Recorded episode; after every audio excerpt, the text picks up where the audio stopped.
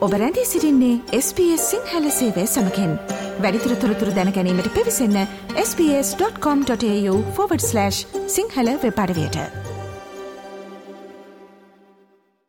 SBS ගුවන් විතිලිය ප්‍රවෘත්ති කාලීන සිදුවීම් සහත්තෝරතුරු ඔබ වෙත සමීප කරවයි. සම්බන්ධ වන්න SBS සිංහල ගුවන් විදිලිය සමඟ. තවත් සතියක ආරම්භයේදී මේ ගෙවිලගේ සතියේ ශ්‍රී ලංකාවේ දේශපාලනය පිළිබඳව කතා බහ කරන අපගේ සතියේ ශ්‍රී ලංකයේ දේශපාලනික පුවත් විග්‍රහය ආරම්භ කරන්නයි අපි දැන් එහෙමනම් මේ සූදානම් වන්නේ. ශ්‍රී ලංකාවේ සිට තොරතුරු වාර්තාකරණයට සූදානමින් සිටිනවා මාධවේදී මනෝජ් උදටියාවල. අයිබෝවන් සුබෝදෑසනක් මනෝජ්. අයිබෝවන් සුබෝදෑසනක් දිල්රුක්ෂි. පාර්ලිමේන්තුව ඇතුළේ විපක්ෂ නායකවරයාට තියෙන වරප්‍රසාද සම්බන්ධව යම් කතිකාවතක් ඇතිවෙනවා අපි දැක්ක පාර්ලිමේන්තුව තුළ විශේෂෙන් මේ විපක්ෂනායකවරයා දීර්ඝ වශයෙන් තමන්ට අයිති වෙලාව යොදා ගැනීම හා සම්බන්ධව. මේ පිළිබඳව ටිකක් මතභේදාත්මක තත්වයක් අපිට දකින්නට ලැබෙන ඔහු විශාල වශයෙන් කාල සීමාව ලබා ගන්නවා කියලා අනවශ්‍ය පරිදි තමන්ට මේ ලැබිලා තියෙන වරප්‍රසාදය අනවශ්‍ය පරිදි යොදා ගන්නවා කියලා.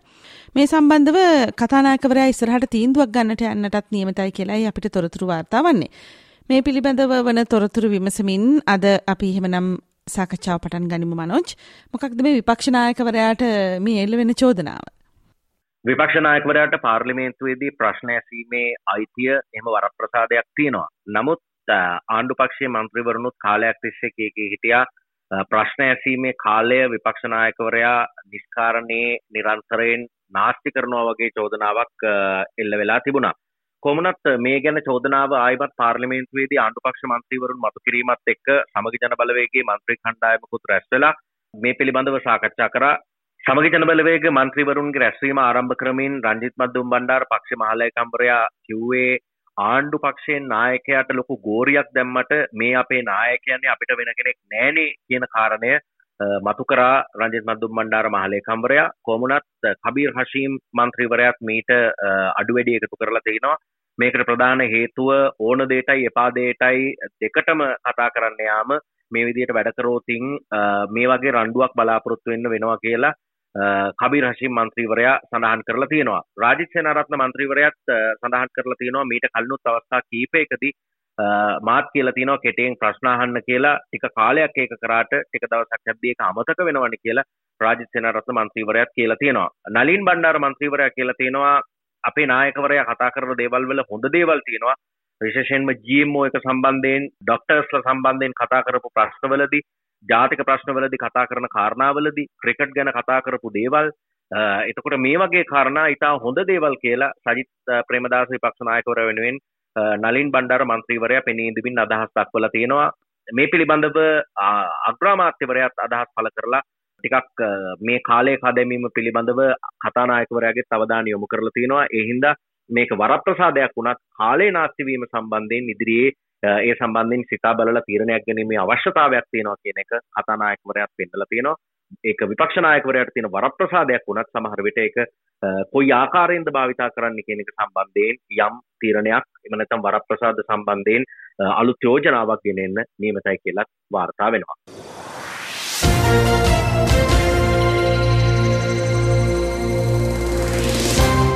මීළඟ අවධානය යොමුවන්නේ හිටපු ක්‍රීඩාමාත්‍ය රොෂාන් රණසිංහ ඉවත් කරලීම හා සම්බන්ධව වන ඇතුලාන්ත තත්ත්වය පිළිබඳවයි. දැන් රොෂාන් රණසිංහ ඉවත් කල්ලා හරින් ප්‍රනාන්දු පත් කල්ලා තියෙන්නේ මේ පිළිබඳව කවුරුත් දන්නවා හැබැයි හිටපු ක්‍රීඩාමාත්‍යවරයා ඉවත් කිරීම හා පසුපස ජනාධිපතිවරයාගේ මැදිහත්වීම හා සම්බන්ධව වන කාරණා කීපයක් අපිට වාර්තා වෙනවා. විශේෂයෙන්ම ජනාධිපති රනිල් වික්‍රමසිංහ රොෂාන් රණසිංහව ප්‍රශ්න කරලා තියෙනවා යම් කාරණා කීපයක් සම්බන්ධයෙන් ඒ පිළිබඳව වන තොරතුරු අපි දැනගන්න කැමතියි මනෝජ්. රොෂාන් රණසිංහ ක්‍රීඩාමාත්‍යවරයා තනතුරෙන් ඉවත් කිරීම කැබිනට් මණ්ඩල රැස්වීමේදී තීරණය වුණු දෙයක්. ඊට කලින් පාර්ලිමේන්තුවේදී රොෂාන් රණසිංහ ඇමතිවරයා කරපු ප්‍රකාශ. සාගල රත්නායක ජනාධිපති කාර්ය මණ්ඩල ප්‍රධානී කියන්නේ කවුද? තමන්ව කියන්නේ රොෂාන් රණසිංහ ඇමතිවරයා කියනවා තමන්ව ඝාතනය කළොත් ජනාධිපතිවරයා සහ සාගල වගකිව යුතුයි. මේ ආදී පාර්ලිමේන්තුවේදී කරපු ප්‍රකාශයේ ඇතුළත් කරුණු ජනාධිපතිවරයා සමග ජනාධිපති පාර්ලිමේන්තු කටයුතු උපදේශක ආශු මාරසිංහ මහත්මයාත් කතා කරලා තිබුණා කියලා සඳහන් වෙනවා. ඊට පස්සේ මේ රැස්වීමට සහභාගී වුණු ජනාධිපති කාර්ය මණ්ඩල නිලධාරීනුත් අහලා තියෙනවා රොෂාන් රණසිංහ ඇමතිවරයාට මොකද්ද කරන්න කියලා ඒ වෙලාවේ ජනාධිපතිවරයා කියලා තියෙනවා අද හවස කැබිනට් මණ්ඩල රැස්වීම තියෙනවානේ කියන උත්තරය ඒ වෙලාවේ දීලා තියෙනවා.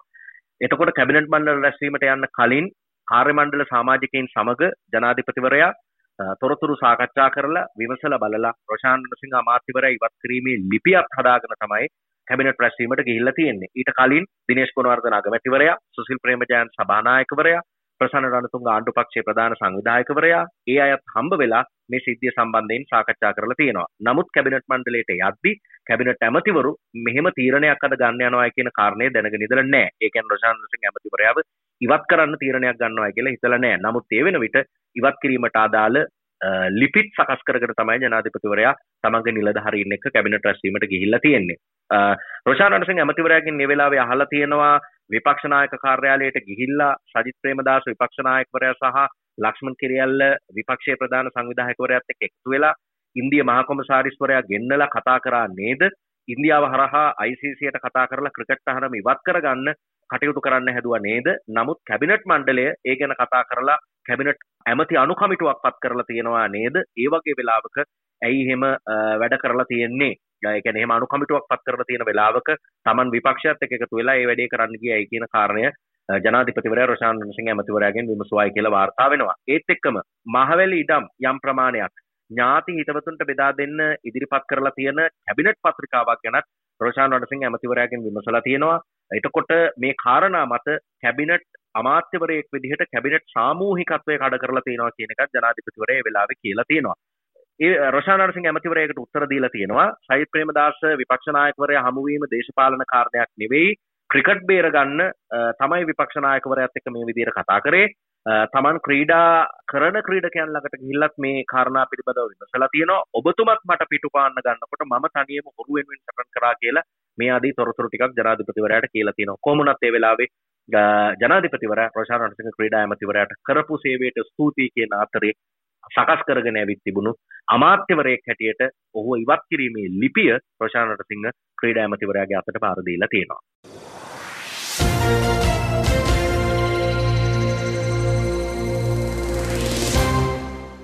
මීළඟට අවධානයට ලක් කරන්න කැමති පසුගිය කාලවකවානුවේදී විශාල වශයෙන් අවධානයට ලක්වුණු රාජ්‍ය අමාත්‍ය ඩයනාගමගේ එවැගේම සුජිත් සංජය පෙරේරා සහ රෝහණ බණ්ඩාර කියන මන්ත්‍රීවරුන් අතර ඇති වුණු ගාලගොට්ටිය පිළිබඳව පාර්ලිමේන්තු සංකීර්ණය තුළදී ඒ සම්බන්ධව යම් විනය ක්‍රියාමාර්ග ගන්න කියලා බොහෝ ඉල්ලීම් තිබුණා. ඒ සම්බන්ධව ආචාර ධර්ම සහ වරප්‍රසාද පිළිබඳ කාරක සභාව යම් තීරණයක් අරගෙන තියෙනවා. ඒ පිළිබඳවයි මීළඟ අවධානය.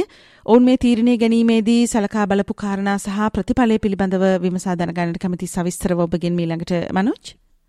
පෞදිල්රුක්ෂි මේ පිළිබඳව සොයා බලන්න පත් කරලා තිබුණා පාර්ලිමේන්තු ආචාර ධර්ම සහ වරප්‍රසාද පිළිබඳ කාරක සභාව.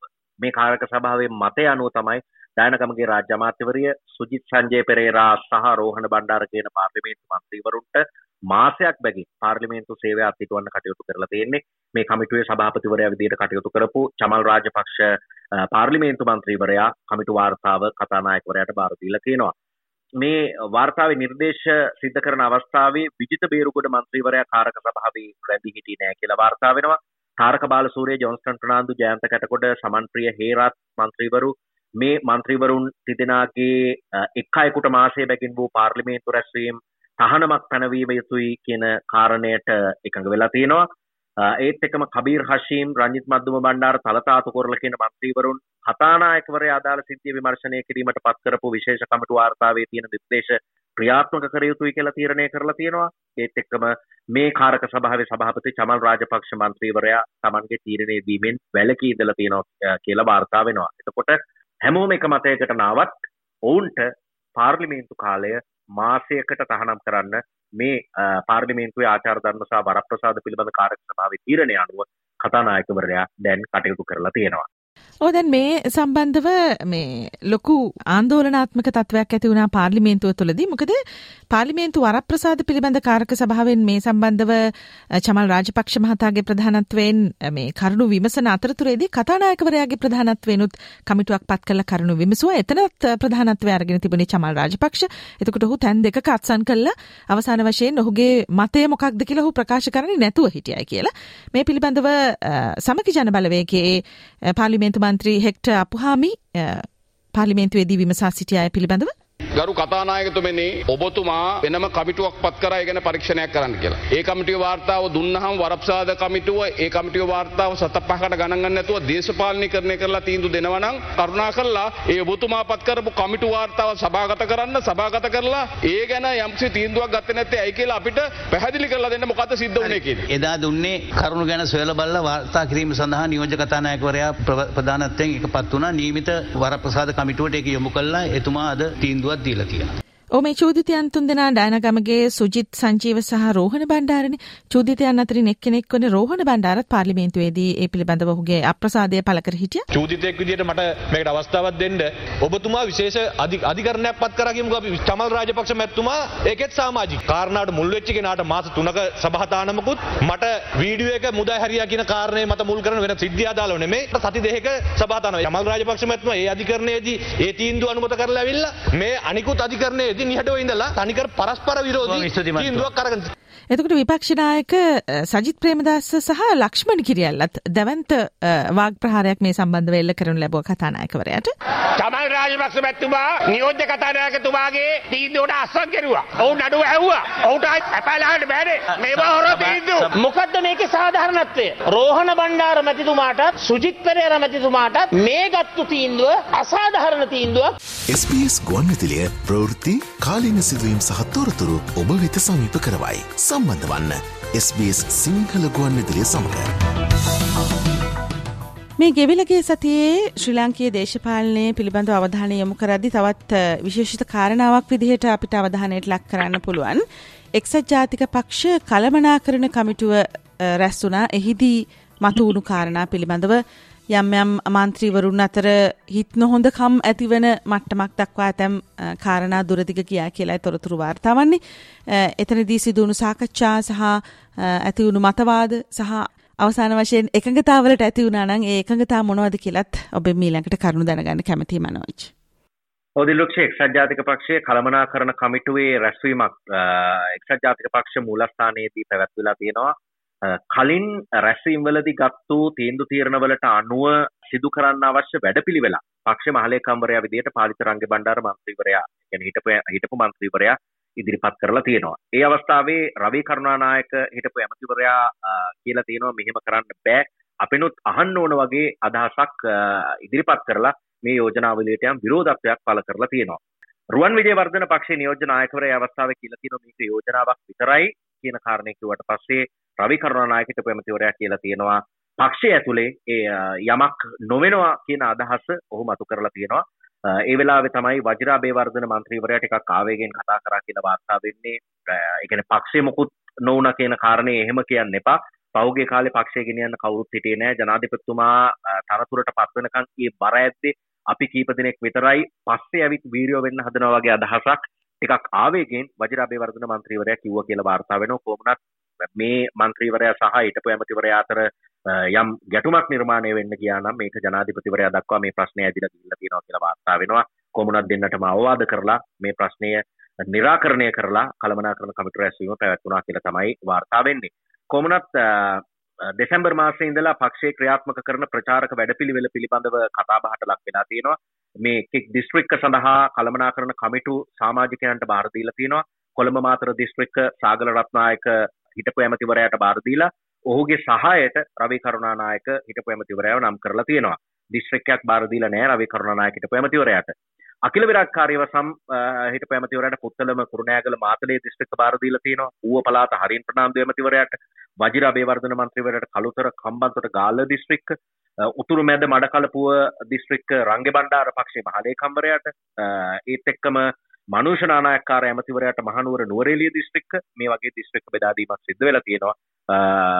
එහෙම අවසානයේ කළමනා කරන කමිටු රැස්වීම ඉවර වෙලා තියෙනවා. යම් ආකාරයකින් මත ගැටුමක් දක්වා ගියා නම් ඒක निराකරණය කරලා මේ අවශ්‍ය ප්‍රචාරක වැඩ පිළිවෙලට දිස්ත්‍රික් මට්ටමින් නිලධාරීන් උත්පත් කරගෙන ඒ වැඩ කටයුත්ත අවසන් වෙලා තියෙනවා.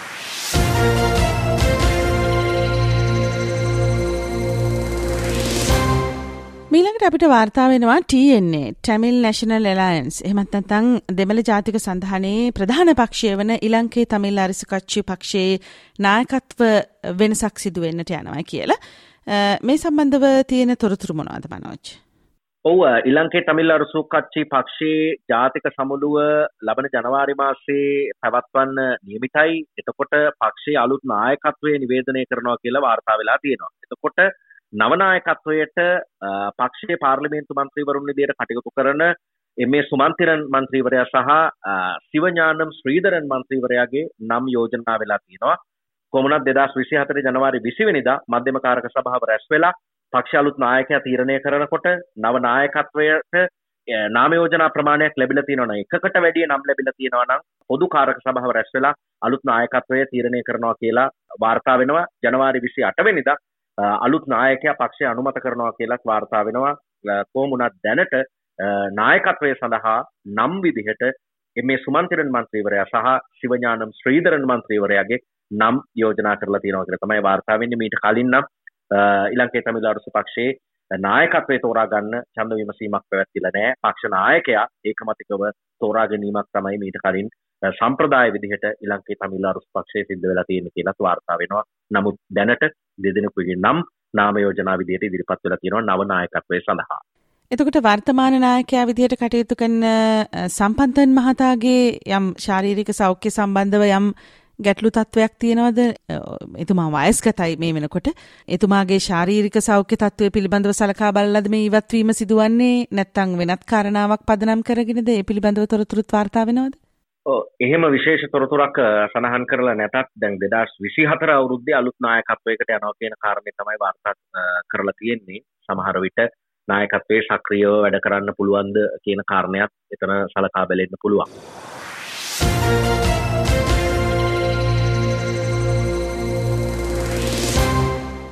හොඳයි. පසුගිය සතිය පුරාම විශාල අවධානයක් යොමුණා ශ්‍රී ලංකාවේ නව පොලිස්පති විදිහට පත්වනු දේශබන්දු තෙන්නකෝන් මහතාගේ මේ පත්වීම පිළිබඳව. මීට කලින් සීඩී වික්‍රමරත්න මහතාගේ සේවා කාලය කීප වතාවක්ම දීර්ඝ කරමින් සිටින කාල වකවානුව තුළදීත් අපි මේ දේශබන්දු තෙන්නකෝන් මහතා සම්බන්ධව කතා බහ කළා. මොකද ඔහු පොලිස්පති තනතුරට පත් කිරීම සඳහා කැමැති පාර්ශව ඉන්නවා ලාංකීය දේශපාලනය වගේ අකමැති පාර්ශව ඉන්නවා. ඉතින් මේ පාර්ශව හැමකකින්ම දේශබන්දු තෙන්නකෝන් මහතා සම්බන්ධ විවිධ විවේචනාත්මක සහ ඔහුට සහයෝගය පළ කරමින් පළවෙන අදහසුත් අපි දැක්ක. කෙසේ හෝ අවසාන වශයෙන් ඔහු වැඩ බලන පොලිස්පති විදිහට පත් කරන්නට ජනාධිපති රනිල් වික්‍රමසිංහ කටයුතු කළා. හැබැයි ඉදිරියේදී මේ පොලිස්පති තනතුර සඳහා නව නීති ගෙන එන්නත් සූදානමක් තියෙනවා කියලායි තොරතුරු වාර්තා වෙන්නේ. ඒ පිළිබඳව තොරතුරු විමසමින් අද ලාංකීය දේශපාලනය හා සම්බන්ධ වන මේ සාකච්ඡාව එහෙමනම් නිමා කරන්නට මම කල්පනා කරනවා. මොනවද ඒ පිළිබඳව වාර්තා වන අලුත්ම තොරතුරු මනෝජ්? ඔව් පසුගිය සතියේ අලුත් පොලිස්පතිවරයෙක් පත් කිරීම පිළිබඳව වැඩි අවධානයක් යොමු වෙලා තිබුණා. කොමුණත් ස්ථීර පොලිස්පතිවරයෙක් වෙනුවට වැඩබලන පොලිස්පතිවරයෙක් හැටියට ජේෂ්ඨ නියෝජ්‍ය පොලිස්පති දේශබන්දු තෙන්නකෝන් මහතාව පත් කරන්න තීරණය වෙලා තිබුණා. ජනාධිපතිවරය පිළිබඳව තීරණයකුත් අරගෙන තිබුණා. ඊට අදාළ පත්වීම බාර ගන්න ජනාධිපති කාර්යාලයට විශේභාර ඇමතිවරයා ටිරානල සැමතිවරයාත් එක්ක ජේෂ්ඨ නියෝජ්‍ය පොලිස්පති දේශබන්දු තෙන්නකෝන් මහත්මයා දීලා තියෙනවා. මේ තනතුර මේ පත්වීම ලබා දෙන අතරෙම ජනාධිපතිවරයා සඳහන් කරලා තියෙනවා පොලිස්පති ධූරය අවුරුදු තුනකට සීමා කරන යෝජනාවක් කැබිනට් මණ්ඩලයට අරගෙනන්න බලාපොරොත්තු වෙනවා කියලා.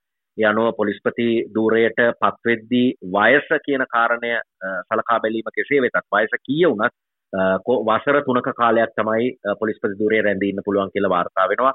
අවුරුදු හැට සම්පූර්ණ වෙන්න අවුරුදු දෙකකට කලින් පොලිස්පතිවරය වුණොත් හැට එක වෙනකං ඉන්න බෑ. හැටේද යන්න වෙනවා. ඊට අඩුවයසකදි පත් වනත් අවුරුදු තුනකින් පස්සේ පොලිස්පති දුරය ඔහුට අත්හරින්න වෙන අලුත් පොලිස්පතිවරයෙක් පත් කරගන්න වෙනවා. දැන් මේ කාලෙත් පොලිස්පතිවරයා පත් නොකිරීම සම්බන්ධයෙන් විවිධ පාර්ශව අදහස් කරා. පොලිස්පති කෙනෙක් කියන්නේ හිටපු පොලිස්පතිවරයාගේ සේවා දිගු කිරීම දිගින් දිගටම සිද්ධ කරද්දී පොලිස්පති ධූරයට සුදුස්සෙක් පොලිසිය නැද්ද කියලා විපක්ෂය ප්‍රශ්න කරමින් හිටියා. නමුත් දැන් වැඩබලන පොලිස්පතිවරයෙක් පත් කරලා තියෙනවා. මෙතනින් එහාට යෝජනාවක් ගේන්න යනවා පොලිස්පතිවරයාගේ දුර කාලය අවුරුදු 3යි ඊට වැඩි ඉන්න බෑ කියන දේත් එක්ක. බොහොම ස්තුතියි මනෝජ් ලාංකීය දේශපාලනයේ අලුත් හතුවිති සමීප කරන්න අපිත් එක්ක සුපුරුදු ලෙසින් සම්බන්ධ වුණාට සඳුද දවසේ හෙට අඟහරුවාදා අපි ඔබ බලාපොරොත්තු වෙන හෙට මව්බිමින් පුවත් විශේෂාංගෙන් ලාංකීය තොරතුරුත් සමගින්. එහෙමනම් ආයිබෝවන්. ආයිබෝවන් බොහොම ස්තුතියි දිල්ලුක්ෂි.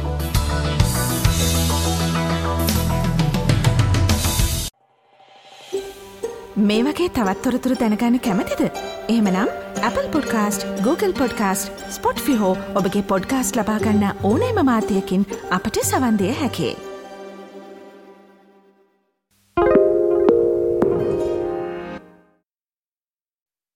Why do people want to be at work? To feel heard, appreciated, part of something, and to know there's a career path for everyone. Inclusive workplaces are linked to increased innovation, productivity, and employee satisfaction. Make your organisation a place where people want to be. For inclusion and diversity training, visit inclusion-program.com.au.